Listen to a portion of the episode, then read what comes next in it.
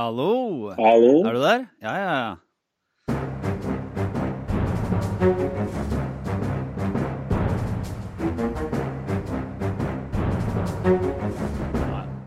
Eh, Nei, men da vanker vi vel på, da, med en eh, hva skal vi kalle det, en slags ekstrautgave av eh, Aftenpodden med litt mer internasjonalt perspektiv. Vi kan ikke bare sitte og snakke om eh, Høyre og Frp og regjeringskrise eh, når vi har fått oss en eh, flunkende ny korrespondent i eh, USA. Venn av podkasten, Øystein Langberg. God morgen. God morgen. Nå er du på plass i USA for fullt. Nå er jeg på plass. Sitter og koser meg med en kopp kaffe og dratt meg ut av senga. Prøver å få inn litt nye rutiner, få komme opp litt tidligere. Ja, for at du, du må forholde deg til sånne arbeidstider i Norge, og da er det bare mas gjennom eh, hele natta for deg, så du våkner til et, sånn, til et, eh, et sale kaos. Ja, da er det liksom Det er folk på jobb, det er banken, søstera mi, alle har tatt kontakt. Det er veldig mye å ta stilling til idet jeg våkner, som er litt uvant. Og deg, da. Og deg, selvfølgelig. Ja, ikke sant? Ja, ja, ikke sant? Alt, alt i bånn. Nei, men det er jo litt sånn som vi har det her i Norge, eh, fordi vi våkner jo stadig og ser alt det galskapen og rare som skjer i USA. Og, og valgkampen der borte og Donald Trump er jo altså, det er årets største nyhet. Så vi tenkte vel at vi skal prøve å få noen jevnlige prater med deg om det som skjer, og prøve å bearbeide det litt. eh, Både for eh, min del, som må få, få litt eh, innsikt fra deg og allting jeg lurer på, og for å gi deg et slags anker og en kontakt med den trygge, normale hverdagen hjemme i Norge. Så vi får se hvor ofte det, hvor ofte det blir. Men vi kjører på, for nå er det jo Altså Nå er jo først og fremst eh, primærvalgkampen da, i gang i Iowa. Og eh, du har, har du rukket å være der ennå? Jeg har ikke fått dratt dit ennå, men jeg tenker å ta meg en tur i løpet av kanskje neste uke. Det starter jo 3. februar. Det, nå har jo denne prosessen egentlig pågått lenge. Det har jo vært en hel haug med demokratiske debatter siden i sommer. Men 3. februar, da, da går folk til urnene. Eller de gjør jo ikke det i Iowa, da. De har sånn spesielt caucus-system. Men da, da skjer i hvert fall den første stemmegivningen, og så ruller det utover hele våren. Ja, ikke sant? For det, jo, det, det føles jo litt som det har vart i evigheter, da. I hvert fall for, eh, for de av oss som eh, sitter og eh, nihører eh, litt sånn amerikanske politikkpodkaster og leser amerikanske aviser og syns at dette er eh, the greatest show on earth, så, så virker det jo som det har vart evig allerede. Og nå begynner det å tetne seg litt, litt til. Og i Iowa, Ja. som er det aller aller første primærvalgstedet for demokratene, så det var der de hadde den aller siste debatten sin nå på tirsdag, var det ikke? Jo, den hadde de i Des Moines, som er hovedstaden i, i Iowa. Hva skal jeg si, Iowa som eh, stat, hvor langt unna, hvis du skal liksom sette eh, ditt utrolige sånn eh, middelklasse eh, elitehjem nå i New York opp mot Tradd Iowa, hva er liksom ulikhetene og likhetene der? Iowa er jo en interessant stat. Det er jo ikke en veldig stor stat. Og det er jo en del kritikk, særlig Det demokratiske partiet, for at Iowa ikke er så veldig representativ. ikke sant? Gammal, hvit, mye jordbruk. Det er jo ikke der liksom median gjennomsnittsvelgeren til demokratene er. Er det den de kaller ja. sånn derre cow state, eller et eller annet sånt? Jeg tror den har et annet kallenavn. cow State. Men jeg har ikke helt full oversikt over alle disse, alle disse navnene ennå. Det er så bra alt Det er sånn man skal pugge etter hvert. Ja, ikke sant? Amerikanske byer som har alltid et eller annet navn. Jeg bor i hvert fall i Empire State, da. Det Ja, nettopp. Ja. Den der, se hva som står på bilskiltene i amerikanske stater. Så er det, ja, da er det vel Empire State som eh, åpenbart er, eh, er New York. Og så har du alle sånne rare, rare slagord som kommer inn fra, fra stedet. Men i Iowa var det i hvert fall eh, Der var jo demokratene i gang. Nå er det bare, er det bare færre og, og litt sånn eh, snevrere felt igjen. Men eh, hva skal du si, hva var det de faktisk eh, debatterte? da? Hva er det som var de store temaene? Nei, De starta med utenriks og hadde litt klima og sånn. Særlig utenriks har de ikke hatt så mye før, men det tvang seg på en måte fram med, med drapet på Soleimani og hele den runden i, i Irak. Som jo sånn merkelig nok er nesten helt borte, ikke sant? En uke etter det skjedde, eller et par uker etter det skjedde, så er det liksom helt ingen, Nesten ingen som snakker om det på TV lenger. Det er veldig rart hvordan sånne ting Tredje verdenskrig en uke, og så er det Helt borte, ja. riksrett og andre ting man snakker om nå, da. Men ja, de starta med, de starta med, med utenriks, og så gikk de over til de vanlige temaene, egentlig. Ja. Mye sånn Det er jo en ting de alltid debatterer, er jo helsesystemet. Fordi det er en ting som skiller demokratene litt. Mm. På utenriks er det selvfølgelig forskjeller, men alle er jo enige om at Trump har en idiotisk utenrikspolitikk, og at USA må passe seg og ikke bli dratt inn i nye kriger i Midtøsten, på en måte. Det er jeg det store bildet hørte en, eh, det, var, det var et eller annet sted jeg leste det var at i starten av de demokratiske debattene, så er det ofte de Sånn som alle debatter på TV og alle TV-programmer, egentlig, så følger jo flest med i starten av eh, sendingen. Og så blir det færre og færre etter hvert. Og stadig når de har hatt eh, disse debattene, så husker jeg ikke om det var enten at navnene Men du kan i hvert fall se det i sånn Google Trends da, i USA. At et eller annet spørsmål eller et eller annet navn eller noen som markerer seg i starten av en sånn debatt, det, det får en veldig stor relativ vekst. Men nå i Iowa så var det bare utenriks første del, og da var det, var det helt flatt. Det var ingen som, uh, ingen som brydde seg om noen ting. Nei, en ting jeg må si imponerer meg med disse debattene, er jo hvor lange de har vært. Tidligere har de vært helt utrolig lange, tre timer og sånn. Denne gangen var det liksom litt over to. Men det er jo Du skal være liksom ganske seig for å sitte der og se på dette i tre timer. Og så har det vært så mange kandidater tidligere at de har hatt liksom tre timer og fordelt over to dager. Da begynner det å bli en solid dose debatt. Mer enn også vi nordmenn, som jo har ganske bra debatter, da, er vant til. Men, men, jeg, men altså, jeg tror liksom det viktigste sånn øyeblikket, det, det man sitter igjen med fra debatten, er klinsjen mellom eh, Bernie Sanders og Elizabeth Warren, som begge er senatorer og tilhører venstresiden, eller til og med ytre venstresiden, i, i det demokratiske partiet.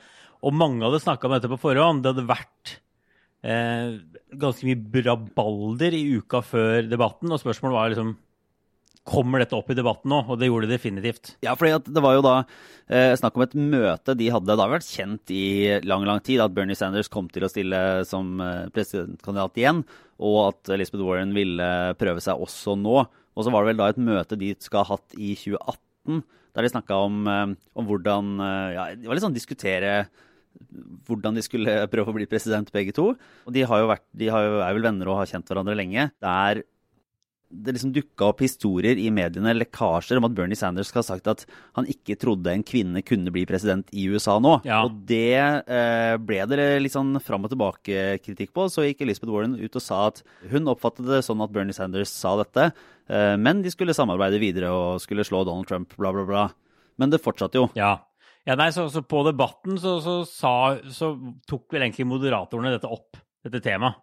Og så tok eh, Elizabeth Warren og sa ja, det stemmer, Bernie Sanders sa dette, hun står ved det. Og så gjorde hun et sånt poeng om at kvinner kan vinne presidentvalget. Hun gikk på en måte videre ganske kjapt og sa på denne scenen er det kun to personer som aldri har tapt et valg. Det er meg og Amy Klobuchar, den andre dama på scenen. Så hun prøvde på en måte å gå videre. Og da trodde jeg litt at stridsøksen var begravet. Og så ser man etter debatten at de går bort til hverandre. Hun går bort til, til Bernie, og så krangler de videre. Ja, for det har jeg, det har jeg faktisk et uh, klipp av. Så det kan vi høre på. Dette er high-tech, altså. Aldri gjort før. I think you called me a liar on national TV. What? I think you called me a liar on national TV. Let's not do it right now. You want to have that discussion, we'll have that discussion. You called me, you told me, all right, let's not do it now. I don't want to get Neil. I just want to say Det er, så, det er så bra. Og så er det så rart. Eh, CNN, som hadde denne videoklippet, da, de fanga det her opp fra noen sånne mikrofoner de hadde på brystet, som, som, eh, som plukka opp dette her. Eh, men for de som sitter utenfor, og for meg i Norge, så virker det så rart og litt klassisk sånn klønete at de klarer å rote seg borti det her. For det er det, det mest av sånn eh, amerikansk eh, venstreside-identitetspolitikk som eh, skaper et kjempedrama ut av noe som Altså, det er jo både viktig og helt ubetydelig. For det er, jo et stort spørsmål om en kvinne kan bli president i USA, for det har jo ikke skjedd før. Men samtidig så er det vel ingen som egentlig tror at Bernie Sanders, som har vært den sånn mest liberale politikeren i USA, stått for på en måte alle mulige sånne progressive saker, faktisk skal mene at en kvinne er Nei. en dårligere president enn en mann. Nei, og det, og jeg tror, nei, og det tror jeg ikke Bernie Sanders mente. Han hadde jo et OK poeng under debatten og sier liksom Hillary Clinton vant jo tross alt med tre millioner stemmer over Donald Trump. Han sa det. Åpenbart kan en kvinne bli president. Men det Bernie Sanders nok mener, er at denne gangen så er det han som bør bli president, og ikke en kvinne. Altså, det er det som er målet hans. Eh, og det kan hende han mener han har bedre sjanser også i vippestatene enn f.eks. Elizabeth Warren. Men bakteppet her er jo at disse to tilhører De kjemper litt om de samme velgerne, tilhører samme fraksjon i, i partiet og har på en måte tidligere unngått å angripe hverandre. Og Det har ligget litt i kortene at en av de kanskje kommer til å trekke seg og så stille seg bak den andre. Og så har de plutselig ganske stor oppslutning samlet sett. Kanskje de til og med kan vinne hele greia. Men, men nå ser det ut til å slå litt sprekker, da. Og det er det som er egentlig interessant her. For det kan bety at kanskje venstresiden i partiet ikke kan få nominasjonen likevel, hvis de ikke klarer å koordinere seg litt bedre. Og koordinert er det i hvert fall ikke for øyeblikket. Nei, og Det er jo det som virker det er jo fascinerende også med, med politikk, og, og, ikke minst amerikansk politikk, som er så Det er jo ikke akkurat gjennomsiktig, men har så utrolig mye fokus på seg hele tida. Og se at selv i kampen om å bli verdens mektigste person, der alt er fokusgruppetesta og det er så gjennomarbeida og alt mulig rart, så klarer de ikke De blir så følelsesmessig engasjert og så forbanna at eh, de klarer ikke å ta hverandre i handa etter en eh, debatt der alle er i samme parti. Og de klarer å lage en stor konflikt ut av noe som, eh, som, som lett kunne vært avvist, og lett kunne vært sagt at altså hvis du skal være en, enten du er kvinne eller mann i, i kampen om å bli USAs president mot Donald Trump, så kommer du til å få uh, masse hat mot deg, og det kommer til å bli motarbeida, og Donald Trump har vist at han ikke er en god president for USAs uh, millioner av kvinner. Vi skal stå sammen, bla, bla, bla. Uh, det må jo gå an å finne en eller annen måte å forsone seg ut av det som sikkert har vært en taktisk diskusjon hos veldig mange, og som jo er et, et viktig poeng uh, tilsynelatende i den amerikanske primærvalgkampen nå, at veldig mange går og analyserer hva andre kommer til å kunne velge. For det viktigste er jo å slå Donald Trump.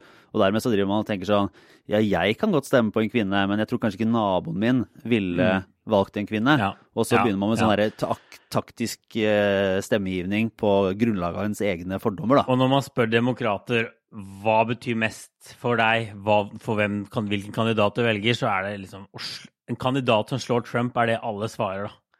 Det er ikke den der drømmen om liksom, en politikk som står meg nær. De vil bare slå Trump.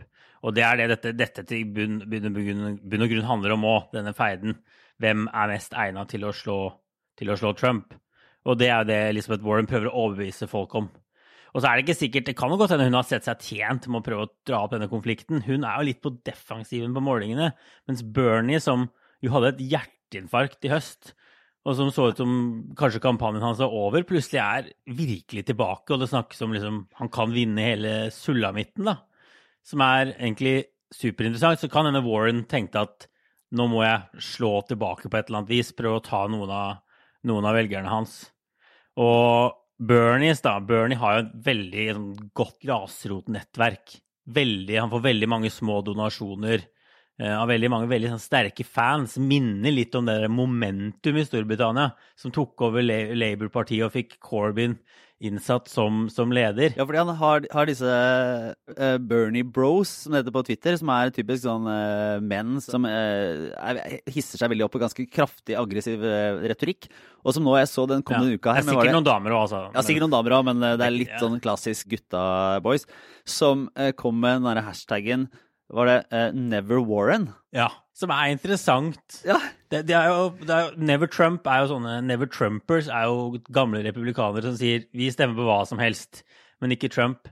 Så det er litt uklart for meg, hvis Warren blir kandidat, om de da skal stemme på Trump. Eller de blir vel sittende hjemme, antageligvis, da. Men det er, eh, det er litt spesielt. Ja, det har vært absurd også med to kandidater som faktisk er godt ute på venstresida. Og, og, og, stort sett har eh, ganske like policyer hele veien. Og så kan man si det er én ting med, med, Joe Biden, som også har mye sånne uh, Never Biden-holdninger. fordi uh, tross alt, han ligger jo først på målingene fremdeles.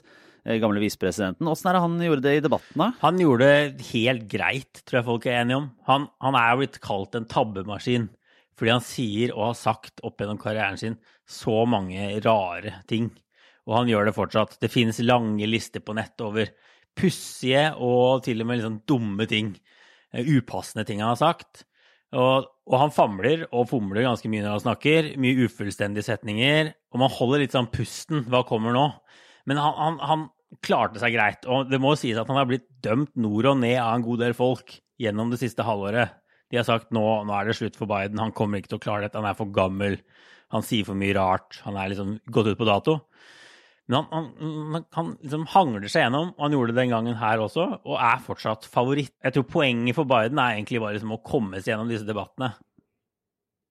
Og ikke rote seg bort, på et vis. Ja, ja Og så kan, kan det holde til slutt. Så det er jo egentlig de andre som måtte gjøre noe stort i debatten for å få et hopp på målingene.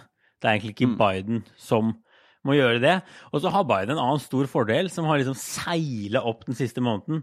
Og det er jo at de to argeste konkurrentene, Elizabeth Warren og Bernie Sanders, som vi har snakka om, de må jo dra til Washington nå i fire uker. Eller kanskje da, det er to, tre, fire uker. For å drive riksrettssak? Ja. Som jo gjør at de ikke kan drive valgkamp. De skal sitte der seks dager i uka. De kan ikke si et ord under rettssaken, for det er ikke lov, for de er på en måte dommerne. Ikke sant? De skal faktisk eh, sitte uten mobiltelefoner, eh, nett. De skal være helt konsentrert da, for å ta seg av denne saken og riksrettssaken mot eh, Donald Trump. Det er jo ikke forventa at at demokratene vil være i nærheten av å få med seg nok republikanere til at det faktisk skal få en, en konkret altså negativt utfall da, for Donald Trump. Så det er jo et eh, anklage for å være Det er jo et sånn eh, skuespill eh, på et vis. Eller kanskje ikke skuespill, da, man skal si. Det er en eh, det er noe seremonielt med noe faktisk. Seremonielt var det. De har allerede blitt tatt i ed, disse senatorene. 100 stykker, da, som jo er i USA. Eh, hvor de lover å, å I går hvor de lover å å sikre uavhengig rettsgang er det de på en måte tar, vil tas i ed på. Det spørs nok litt akkurat hvordan, hvor uavhengig disse folka er. Det er vel flere som har sagt at de koordinerer med Trump-Hvite huset for å sikre for å sikre at dette ikke bærer noe sted. Men nei, altså Det, det trengs to tredjedels flertall for å dømme og avsette Trump. Det er jo det er sånn Da holder det at 34 eh, senatorer er imot, så blokkerer de det. Og det er jo allerede langt over det antall republikanere som har sagt vi kommer aldri til å dømme Trump. Antageligvis så kommer nesten ingen av dem til å stemme for. Så, så, nei, så det blir litt, antageligvis litt sånn Det er ikke sikkert det blir så interessant. Uh, men det kommer litt an på om det blir kalt inn nye vitner, og det er noen sånne usikkerhetsmomenter. Nå er det jo uh, fascinerende å se en, uh, hva han, en, det som Hva skal man si? har litt sånn bra gangsterpreg over han. Hva han heter vel? Lev Parnas, ja. som, som, har vært Rudy Giuliani, altså Trumps advokats medhjelper i shady business med Ukraina. Og han har jo i motsetning til mange andre som har vært involvert her. Nå har han jo gått ut og tydeliggjort sin avstand. eller på en måte, Han, han kjører ganske hardt sånn Trump-kjør ja. nå i, i, offentligheten. Og der er det jo mange som mener at den informasjonen han har kommet med siste, siste dagene og siste uka, innebærer at, at, det må kunne kalles inn vitner også i Senatet, og at, det, at det, liksom, det, det, må kunne tas mer eh, ny informasjon her, da, fordi han kommer med diverse anklager om, eh, om, hvordan Donald Trump selv har vært involvert i prosessen. Det store stridsspørsmålet har egentlig vært i Senatet blir det, kan vi kalle inn nye vitner. Får demokratene lov til det? Og republikanerne har vært ganske skeptiske til det. Men de har noen gode kort på hånda her. Det har skjedd ganske mye siden denne saken er oppe i Representantenes hus før jul. Det er i hvert fall to vitner, to hovedvitner, som, som, kan bringe ganske mye ny informasjon til torgs. Og den ene er Lev Parnas, som er en interessant skrue. Nå har han, han overalt åpenbart vendt seg helt mot Trump da, og Giuliani. Eh, nå er han overalt eh, i amerikanske medier hele tiden, sitter og prater. Han har sendt over en haug med SMS-er, dokumenter, nye detaljer om hva som har skjedd i saken. Eh, men altså, Kanskje ikke helt revolusjonerende, men man får mer detaljer om ting man allerede hadde en hunch om. Og så er det jo bra, fordi han, eh, fordi han sier jo altså Trump sier jo at han ikke aner hvem dette er mer eller mindre. Og ikke altså, bare Trump. Masse, masse folk i det republikanske partiet sier vi har aldri møtt han, aldri hørt om han, aner ikke hvem det er. Det er det de har sagt denne høsten. Og nå driver advokaten til Parnas og, og dunker ut bilder av Parnas med alle disse folka som nekter for å ha møtt han. Og de, han har til og med sagt at hver gang Trump nekter for å, kjenne, for å kjenne han, så kommer det et nytt bilde på Twitter eller en ny video av han og Trump sammen. Så de driver definitivt en form for krig nå, som er veldig interessant å, å, følge med på. Det han skal ha vært med på, en måte, er å, å legge da eh, press på ukrainske myndigheter eh, for å etterforske eh, Bidens sønn, og for å ha drevet en slags jeg vet ikke hva jeg skal kalle det, en kampanje mot den tidligere amerikanske ambassadøren til Ukraina. Og det ja. anklages jo mer eller mindre at de har eh, si, overvåka henne og kommet med alt mulig slags eh, semi-skitten business for å ja. vet, få henne ut på et eller annet vis, eller, eller eh, få, få, satt henne ut av, liksom, ut av spill. Da. Ja, USAs Ukraina-ambassadør ble jo sparka av veldig mystiske omstendigheter i vår. Og det var veldig pussig, men ja, alt bunner, alt, alt bunner til syvende og sist ut i, denne, i liksom hovedspørsmålet i denne saken, som er fortsatt brukte Trump eh, liksom USAs statsapparat til å presse Ukraina til å, til å grave opp dritt på Joe Biden? Det er det, det store spørsmålet. Men altså, som vi sa, han blir neppe dømt for det. Og så blir det interessant å se om de også kaller inn John Bolton, da, som er, var liksom tidligere nasjonale sikkerhetsrådgiveren til Trump, og som Altså Parnas, Det republikanerne kan kritisere ham for, er jo at han heller ikke var helt i Trumps innerste krets. Han var liksom en, en, samarbeidspartner av Giuliani, så det er et stykke ut her. Men Bolton var jo akkurat der det skjedde. ikke sant? Ja. Og Bolton tra det trakk seg jo. Han vil være et nøkkelvitne hvis han kommer, men så spørsmålet hva Bolton sier, da. Han er jo øh, kanskje, kanskje, han til og med kommer til å forsvare Trump delvis. Det er det ingen som aner. Men, så det er egentlig det mest interessante med hele senatssaken som kommer opp nå, er nok disse vitnene. Resten blir nok i verste fall kanskje til og med litt kjedelig, tror jeg. Mm. Ja, ja. Men vi skal, vi skal, dekke, vi skal love å dekke det tett. Ja. Eh. Kjedelig eller ei, det skal med. Men eh, vi, vi, runder av for å holde Aftenpodden-tråden med en eh, liten bit Eh, obligatorisk refleksjon. Jeg vet ikke helt hva det skal hete i amerikansk kontekst, men det får vi eventuelt eh, komme tilbake til. Mandatory reflection. Jeg syns vi skal videreføre den spalten. Jeg tror det er sunt og bra, ja. ja. Det er mye å tenke over og her i statene også. Hvis du skal ta noe som er litt New York-lokalt, kanskje, Øystein, så hva kan du bringe til torgs? Nei, altså jeg flytta jo til Brooklyn et par dager før nyttårsaften. Eh, som jo er, må være også av de mindre representative stedene for gjennomsnittsamerikaneren som finnes i USA. Kanskje. Det finnes kanskje enda verre i California noen steder. Mm. Og vi har tatt over leiligheten til hun som var her før meg, Christina Pletten. Kjempefin leilighet. Det er jo sånn at vi må er flytter jo inn med min kone, og vi skal, må endre på noen ting i layouten på leiligheten, så vi skal blant annet skaffe oss en ny sofa. Og da er jo spørsmålet før vi flytta, så solgte vi jo mye greier, brukt på Finn. Ikke noe problem. Slipper folk rett opp i leiligheten. De sjekker det, kanskje de ikke vil ha det, de bare går ut igjen. De gir deg noe penger, vippser deg. Her var jeg litt mer usikker på hvordan man gjør det. Altså, er det greit å bare tillate at folk kommer inn og tar, ser på ting? Er det farlig, er det ikke? Så jeg googla litt. Men er det her da Var det, var det, var det din egen Var det sånn fryktkulturen uh, i, i, USA som påvirka deg, eller var det på en måte følte at det var en, en liksom forventning om at dette må du være litt mer forsiktig med? Det var nok, det var nok jeg, jeg, tror liksom Først så tenkte jeg ikke noe over det, og så tenkte jeg kanskje jeg må være litt mer forsiktig, og så gikk jeg inn på på det nettstedet der man kjøper og selger ting, USA Craigslist, som jo har et ganske sånn shady preg over seg. Det er definitivt liksom den litt sånn rufsete fetteren til finn.no. For er ikke det sånn halvveis, eh, halvveis finn.no, halvveis sånn sjekkested, eller sånn Det Eller kanskje bare at de har tatt for Sjekke der inne, det kan du sikkert. Det, det, det tror du kan gjøre det meste der inne, egentlig. Ja. Men, men, men og, da, og, der står det litt, når man sjekker da, sikkerhet der inne, så står det sånn Møt folk på Starbucks, se de an, bli kjent med dem før du slipper det opp i leiligheten din. Er du ekstra skeptisk, møt på sånne spesielle sånne, kan du møte på sånne spesielle møteplasser foran politistasjoner, hvor liksom kjøpere og selgere skal kunne møtes. Og da blir det plutselig ganske mye styr da må du ikke, du må ikke, ikke, selge Ikke ta med de som har sånn bandittørkle foran eh, munnen og eh, svart hatt og krok for hånd. Da, og, lapp, og, lapp, for øyet. Da lapp, ja. må du styre unna. Nei, så det ble til Jeg solgte faktisk gjennom Facebook Marketplace til slutt, som jo er en konkurrent av finn.no også i Norge. Og da kan man jo se an hvem det er. ikke sant? En ung student eh, trenger en sofa. Så jeg gikk for å bare ta, få pengene, slippe de inn. De bar ut sofaen. Det gikk helt ja, fint. Et lite stykke Norge er bra. Men det er jo, det viser jo liksom dette poenget med at tillit smører økonomien. da, ikke sant? Alle disse transaksjonstingene, all dette jobben rundt. Hvor mye mer styr det er hvis du ikke stoler på folk. Ja, du kan si, Jeg har jo da min eh, amerikanske obligatoriske refleksjon. Er jo på en måte litt relatert, tenker jeg. Eh, fordi jeg har begynt å abonnere på New Yorker. Så, som jobber for å opprettholde en sånn middel, en, eh, et eliteperspektiv. For å virkelig få se, se den liberale middelklassens syn på amerikansk akademia. Nei, men Der var det en interessant tekst, da, og det er det ofte, om, eh, om egentlig kriminalitetsforskning.